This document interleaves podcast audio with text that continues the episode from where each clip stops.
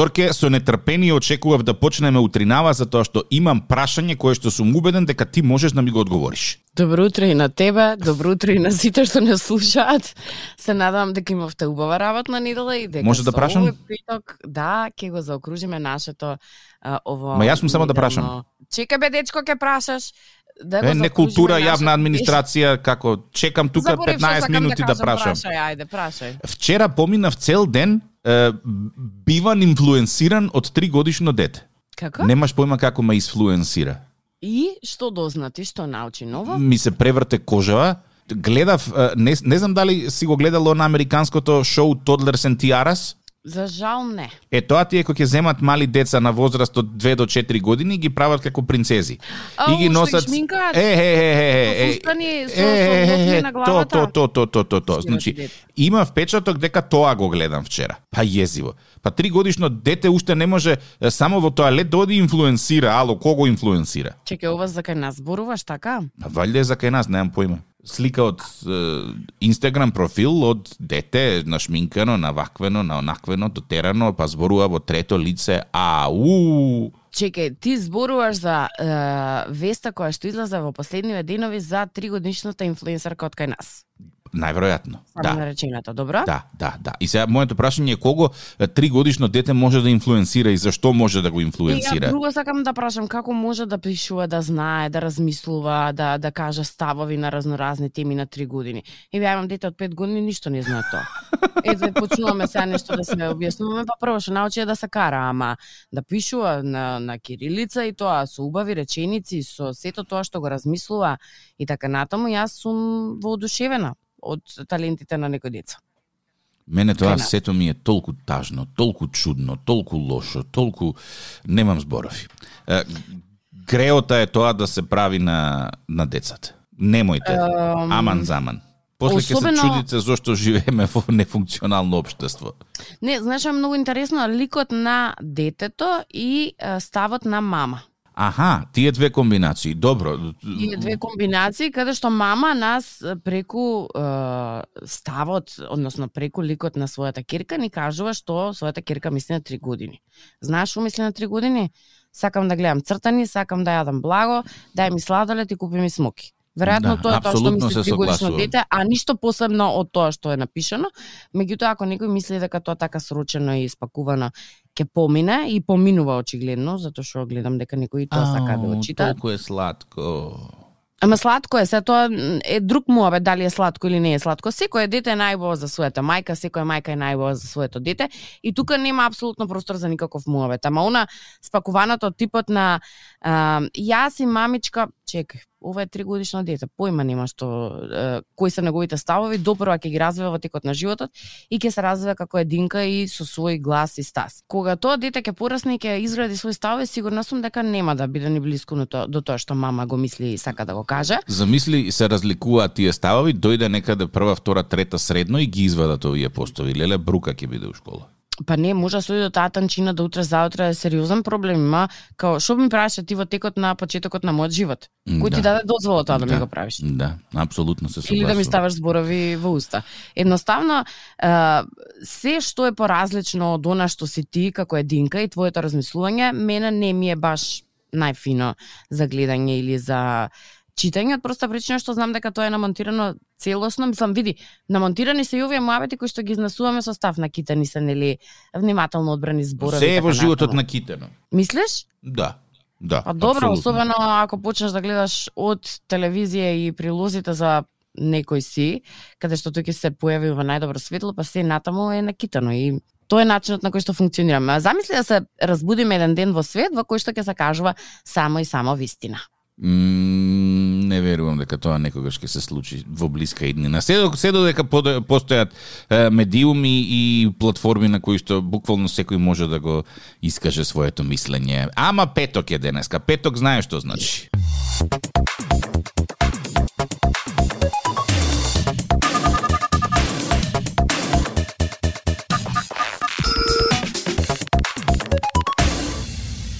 Според она што можам да видам, ќе биде убаво, сончево, не толку топло, меѓутоа нема да биде ни облачно и тмурно како што беше вчера и завчера. Или во превод доаѓаат подобри денови.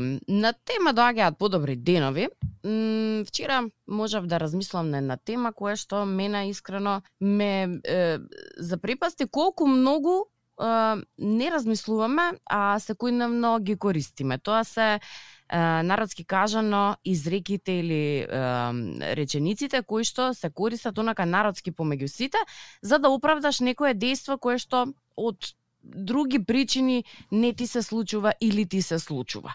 Зборувам, например, на, на изреката што е моје ке си дојде. Знаеш како ми е? Како извинување за се оно што ти се случува, а ти немаш намера да мрднеш нанапред, за да си го земеш оно што заслужува. Или е, друга изрека, ке си ја чукаш главата во зид. Има ли некоја изрека која што те вади од такт? Дали има некоја изрека што ме вади од такт? Да. Ке видиш ти бе? Или не е до мене до тебе. Или Ау, тебе леле, знаеш колку врски средношколски ми завршиле со тој муабет? Значи сум бил од двете страни, сум бил од двете страни. Не, не, не, не, сум бил од двете страни на муабетот.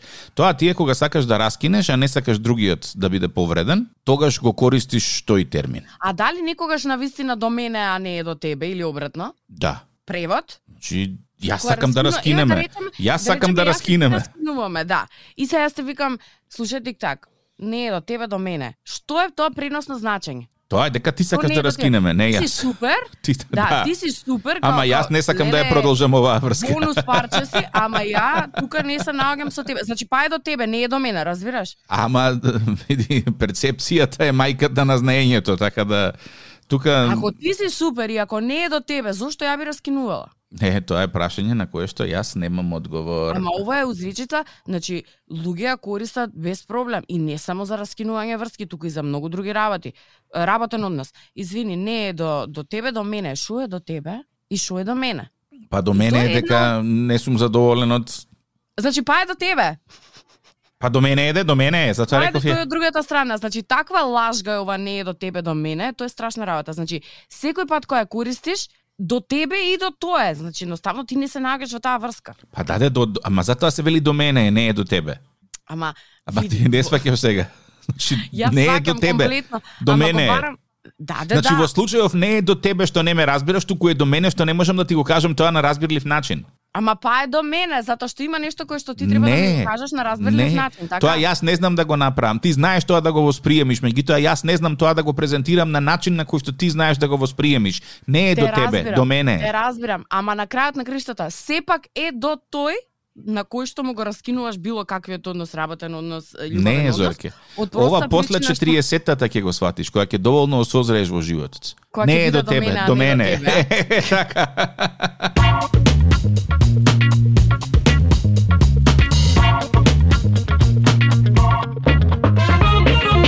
На Facebook и на Instagram слушај.тиктак.зорка.мк сите стари емисии кога сакаш, каде сакаш. колку сакаш. Можеш да си преслушуваш ако сакаш. Без никаков проблем. Драго ми е ако не слушате јутринава, стасуваат пораки за тоа што сакате да слушнете. Ние би сакали да се слушнеме ако сте во можност, а ем, предходнава песна ме пуцети, да те прашам, не само тебе, туку и сите оние кои што не слушаат, дали во никогаш во животот си бил во цимерски живот, односно си имал цимер било каде каде што си живеел, дали се тоа средношколски, факултетски денови, работа некаде во странство и дали имаш некакво искуство во смисла позитивно или негативно со со цимерот, дали се уште си во некаков контакт и што е оно што го прави цимерскиот живот толку посебен? А, имав цимер, леле, зорке, ау, Што? ноќна мора. Ау, тие Тоа беше, имаше. тоа беше кога бев во Америка, да, живеевме во стан, е, тројца. Едниот беше добар, вториот беше, што да ти кажам, некаде 90 и некоја, јас за Крисмис, пошто таму нели Крисмис се е, оди таму, е, кај роднини пријатели, одам кај едни роднини, овој другиот цимер си оди во е, Чикаго, каде што живееше, и не нема дома едно е, колку беше? Па седум дена од прилика, да. И е, се враќаме, јас прво се враќам дома и тргам во кујна да готвам, во кујна нема ни еден сад, ни една чаша, ни едно тенџере, ни една вилушка, ни... значи празно. Празно, ништо нема внатре. И јас онака целиот во прашалници се чудам кај се работиве од куина. Кевин се викаше цимерот, му викам Кевин кај се овие и така беше малце е, чудничок, многу си пивкаше, беше дебел и изборуваше вака, вика, зафатен бев. Во стил, добро. И тргам од куина, додам во, во тоалет, Mm -hmm. И он застанува кај мене пред врата, вика, ја да сум на твое место не би влагал внатре. Добро. Добро, и го тргам, влегувам внатре, Зорке, мислам дека и ден денеска, онака ми паѓа мрак на очи, кога е, прва работа што видов, секое едно лажиче, секоја една чаша, секој танјир, секое тенџере во када ставени. За да ги измие некогаш. за да ги измие некогаш. Да, значи Прекрасно. што готвел 7-8 дена, како ќе завршил со готвење, ги ставал во када. За да бидат измиени некогаш. Не, а некои од тие тенџериња беа благо кажано поштено загорени. Прекрасно. И му викам, добро човече, па дали си ти нормален, му викам. Кадава е еден огромен умивалник. Постои машина за перење садови, која што ти очигледно не знаеш како да ја користиш. Ама мене најбитното прашање ми е ако тањириве овде си ги пикал у када почнувајќи од ден. 1, а денеска е ден 8, каде човече се тушираше и се бањаше? И дали се тушираш и се бањаше? Да, знаеш што му беше одговорот? Да, вика у теретана. Си нашол. Си се нашол како да си води лична хигиена за себе, меѓутоа овие нека стојат во када, нема никаков проблем. И се врати Мет, другиот цимер, исто mm -hmm. така кој што беше отиден на, на Божикен на новогодишен распуст, фативме Зорке, засукавме ракави, измивме све што беше во, Што во, во кадата и му рековме на Кевин, друже, пакуј торбите и сели се одавде, човек со тебе не може да, да живее. Постојат многу интересни цимерски приказни во моето па не толку кратко живење и функционирање во Америка имав неколку. Едната беше од Мексико, едната беше од Филипини, една беше од Романија и уште една девојка од Босна имав цимерка, значи четири цимерки имав. Најстрашно веројатно ми беше живењето со девојкава од Филипини. Имаат некои мини серии тие, не знам дали се аниме или како ли се викаат, поима немам. Бев обидена дека гледа експлицитни филмови за возрастни, затоа што тие испуштаат такви звуци. Всушност, она си гледала серија како кај нашо си гледаат серии, само што тие многу чудно звучат. За на крај сватев, викам, добро, не е вајда до толку девојкава дека си гледа експлицитни содржини, знае дека сум на незе во креветот. Меѓутоа, на крај се испостави дека малку погласно сака да се гледа серии, па на крајот дојдовме до заклучок дека мора да користи слушалки за уши за да не биде пријатно на двете седењето во собата, а инаку тие соби кои што ги имавме ние беа многу тесни, многу мали со кревечиња на спрат и можеме да ти кажам дека концептот кревет на спрат за возрастни луѓе го мразам од дното на душата. Тие ни скалечки е, што ти ја привиткуваат ногата на, на половина, баш во, во дебелото мевце влегува таа скаличка, Да. така што не можеш да се докачиш до горе. Е, Не дај Боже да касниш или да, да цел ден се стоел на ноза, мислам, не е воопшто пријатно. Долниот кревет, како и секогаш, е, негативно настроен кон твојата глава, рано наутро, затоа што додека се научиш дека на тебе има кревет, ја маваш главата на 20 пати, после тоа сваќаш дека едноставно мора да најдеш друг начин како да станеш од креветот. Меѓутоа можам да ти кажам дека сум поминала и низ многу позитивни искуства и низ многу негативни искуства. Меѓу другото, оние негативните ќе ги оставам во заборав и ќе се сетам на позитивните. А она што ме воодушевува е дека некои цимерски односи во смисла делеле соба или делеле стан долго време прераснуваат понатаму во прекрасни пријателски врски кои што траат и до ден денешен.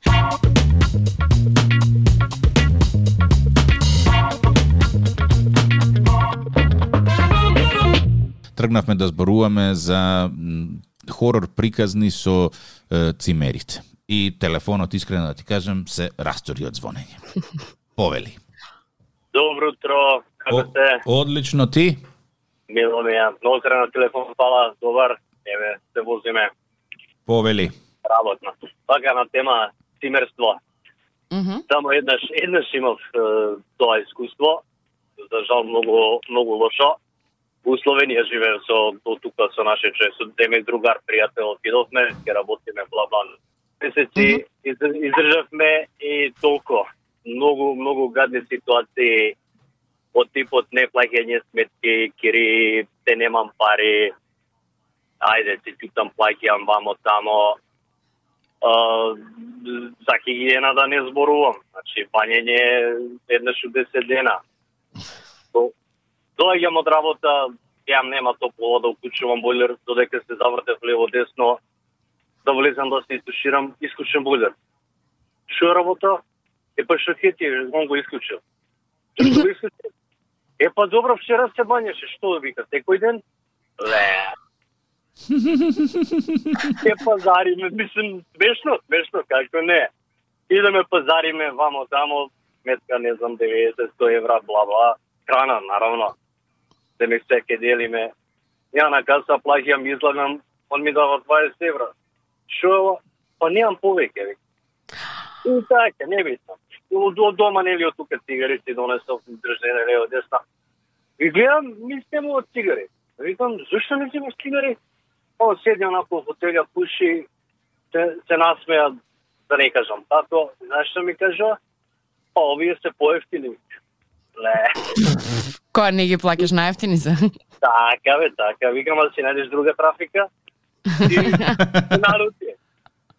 Е, една вечер кога ми соопшти, дека јас не си одам, нашол си нашол стан, друго место, без да ми каже ништо.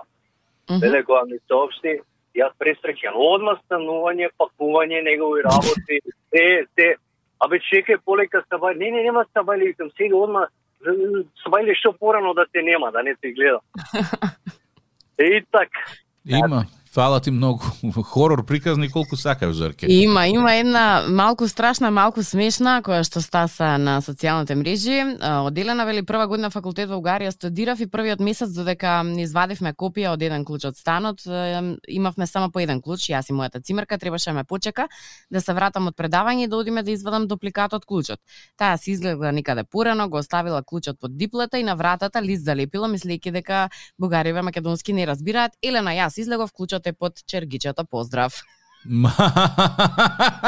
Имате среќа што никој не го видел, имamo внатре и поздрав да ви остават и, и се да ви соберат, така што има секакви ситуации, едноставно тоа е цимирскиот живот, некогаш е, малку смешен, некогаш малку тажан, но секогаш поучен би рекла.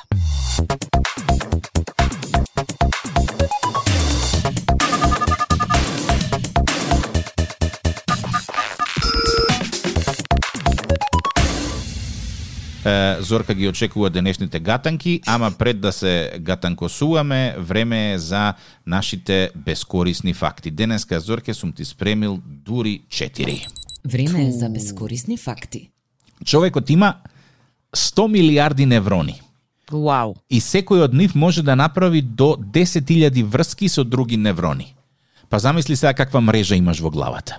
Па тоа многу слично ми е како и врските и, и во главата и како врските во реалниот живот. Пријателства, роднини, е, цимери, другари и така натаму и така натаму. Дали е таа истата корелација? Не е баш, ама Даде сигурно некој неврон во главата со золва ти прави муабет моментално, мислам се. Апсолутно дека не е може би истата. прави. Апсолутно не е истата. А, на тема забари. Добра. Од прилика, што мислиш, колку вештачки заби дневно се вградуваат во пациенти? И никогаш не сум размислувала на таа тема, ама еве да речеме просек вака на, на светско ниво. Да, Да речем 10.000, многу ли се? малку се. Малку се. 10.000 е само 10% од вкупната бројка на вештачки заби што секој ден се вградува. Значи 100.000 вештачки заби дневно. Мене повеќе ме плаши колку дневно заби губи светската популација, кои што не се враќаат, односно може да се заменат само како вештачки заби. Ау, добро. Не баш најпријатен податок. а, диносаурусите се појавиле на земјата пред околу 230 милиони години и изумреле пред околу 65 милиони години. Сега се смееш и ќе ме демантираш, ама читав некаде едно истражување за тоа дали воопшто диносаурусите постоеле или се дел од нашата фантазија. Дали читаш едно истражување за рамната земја исто така? Исто читав и за такви, Е, за така. рамната земја. Многу има истражувања, ама ова последното вели дали воопшто некогаш постоеле диносарусите или само тоа биле некои а, големи животни, а ние сме си замислувале дека постојат. Викам, А скелетите што ги нашле? Сега, викам, види ти де оваа работа, кој беше имал толку слободно време да размислува и за теорија на заговор поврзана со диносаурусите. Има секакви. Само во Африка Мхм, има повеќе од 1500 јазици кои што се зборуваат. машала. А нас не личат сите како еден ист. Па и нас некој да не слуша тука, ќе Па, каже овие да. сите на Да. Бидејќи си ги менуваме улогите, јас имам едно за тебе. Ајде. Дали знаеш дека машките гуштари прават склекови за да го привлечат вниманието на женските гуштари? Знам. Мене ми се многу симпатични, ги гледав на еден документарец. Како што склекуваат? одат- Не, не, одат по по жешка подлога и напоредно левото раче со десната нога ги креваат за да можат да се изладат, а да држат рамнотежа. Па после некое време се враќаат во првобитна состојба, па после другото раче со другата нога и така знаеш диагонално за да може ем да стои, ем да се ги лади рачињата и ноджињата. Многу ми се сладки за гледање на документарци, иако не баш го ценам нивното присуство во, во моја близина, не ми сметаат, ама ми се језиве никако. Знам дека ништо не може да ти направат, ама некако ми се има случајно да облечам фустан со гуштарче внатре и не е баш најпријатно искуство. Мислам, за да ти биде појасно како се случи нашата толку блиска средба, фустанот ми беше на, на сушара која што беше извадена надвор, нели да. они нај, најчесто лазат по Фасади. фасадите и веројатно се пикнало некако. И јас, супер, викам го истро со вака инаш, ма тоа сигурно се држало внатре. И можам да ти кажам дека едно од моите најстрашни и најгрозни искуства во исто време. Мислам, не му беше сигурно пријатно ни на гуштерчето, ама некако се разбравме на крајот избега. Тој фустан отиде во забрав, ама не заборавно искуството да ти шета по грб гуштар.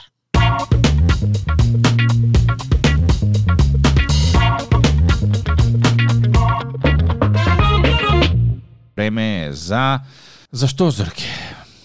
За да те победам, Мислиш дека ќе ме победиш? па јас мислам дека петок е с- да го завршиме и ова издание, ама и оваа работа ни дела со победа. Мисли, мисли.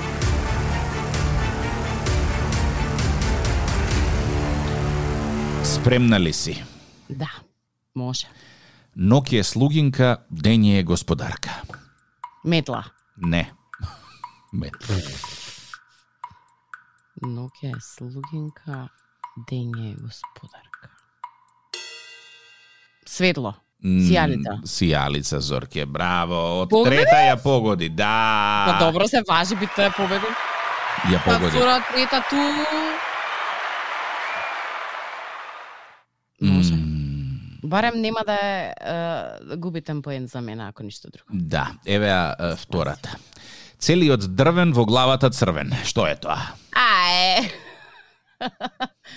Целиот дрвен во главата црвен. Чекан. Не. Оу. Целиот дрвен во главата црвен. Два пати по 15 секунди ќе ти дам. Еј, ова многу тешко. Нешто 21 века? значи со свој камен по своја глава. А, можам да кажам... Знам, знам, знам, знам, Доцна е веќе некој ти каже. Никој не ми кажа, знам. Што е? Шкорча? Кибрид Зорке, браво! Па добро, де, кибрид, шкорча. Кој ти кажа? Кој кажа? Чекај. Никој не ми кажа. Ете, резултатот моментално е 4 спрема 3. Јас водам се уште. Јас, дали ти кажав дека ќе ја завршим емисијата со победа Ми моја? рече, ми рече, апсолутно ми рече. Така. Следната недела ти поставуваш гатанки. Може, може.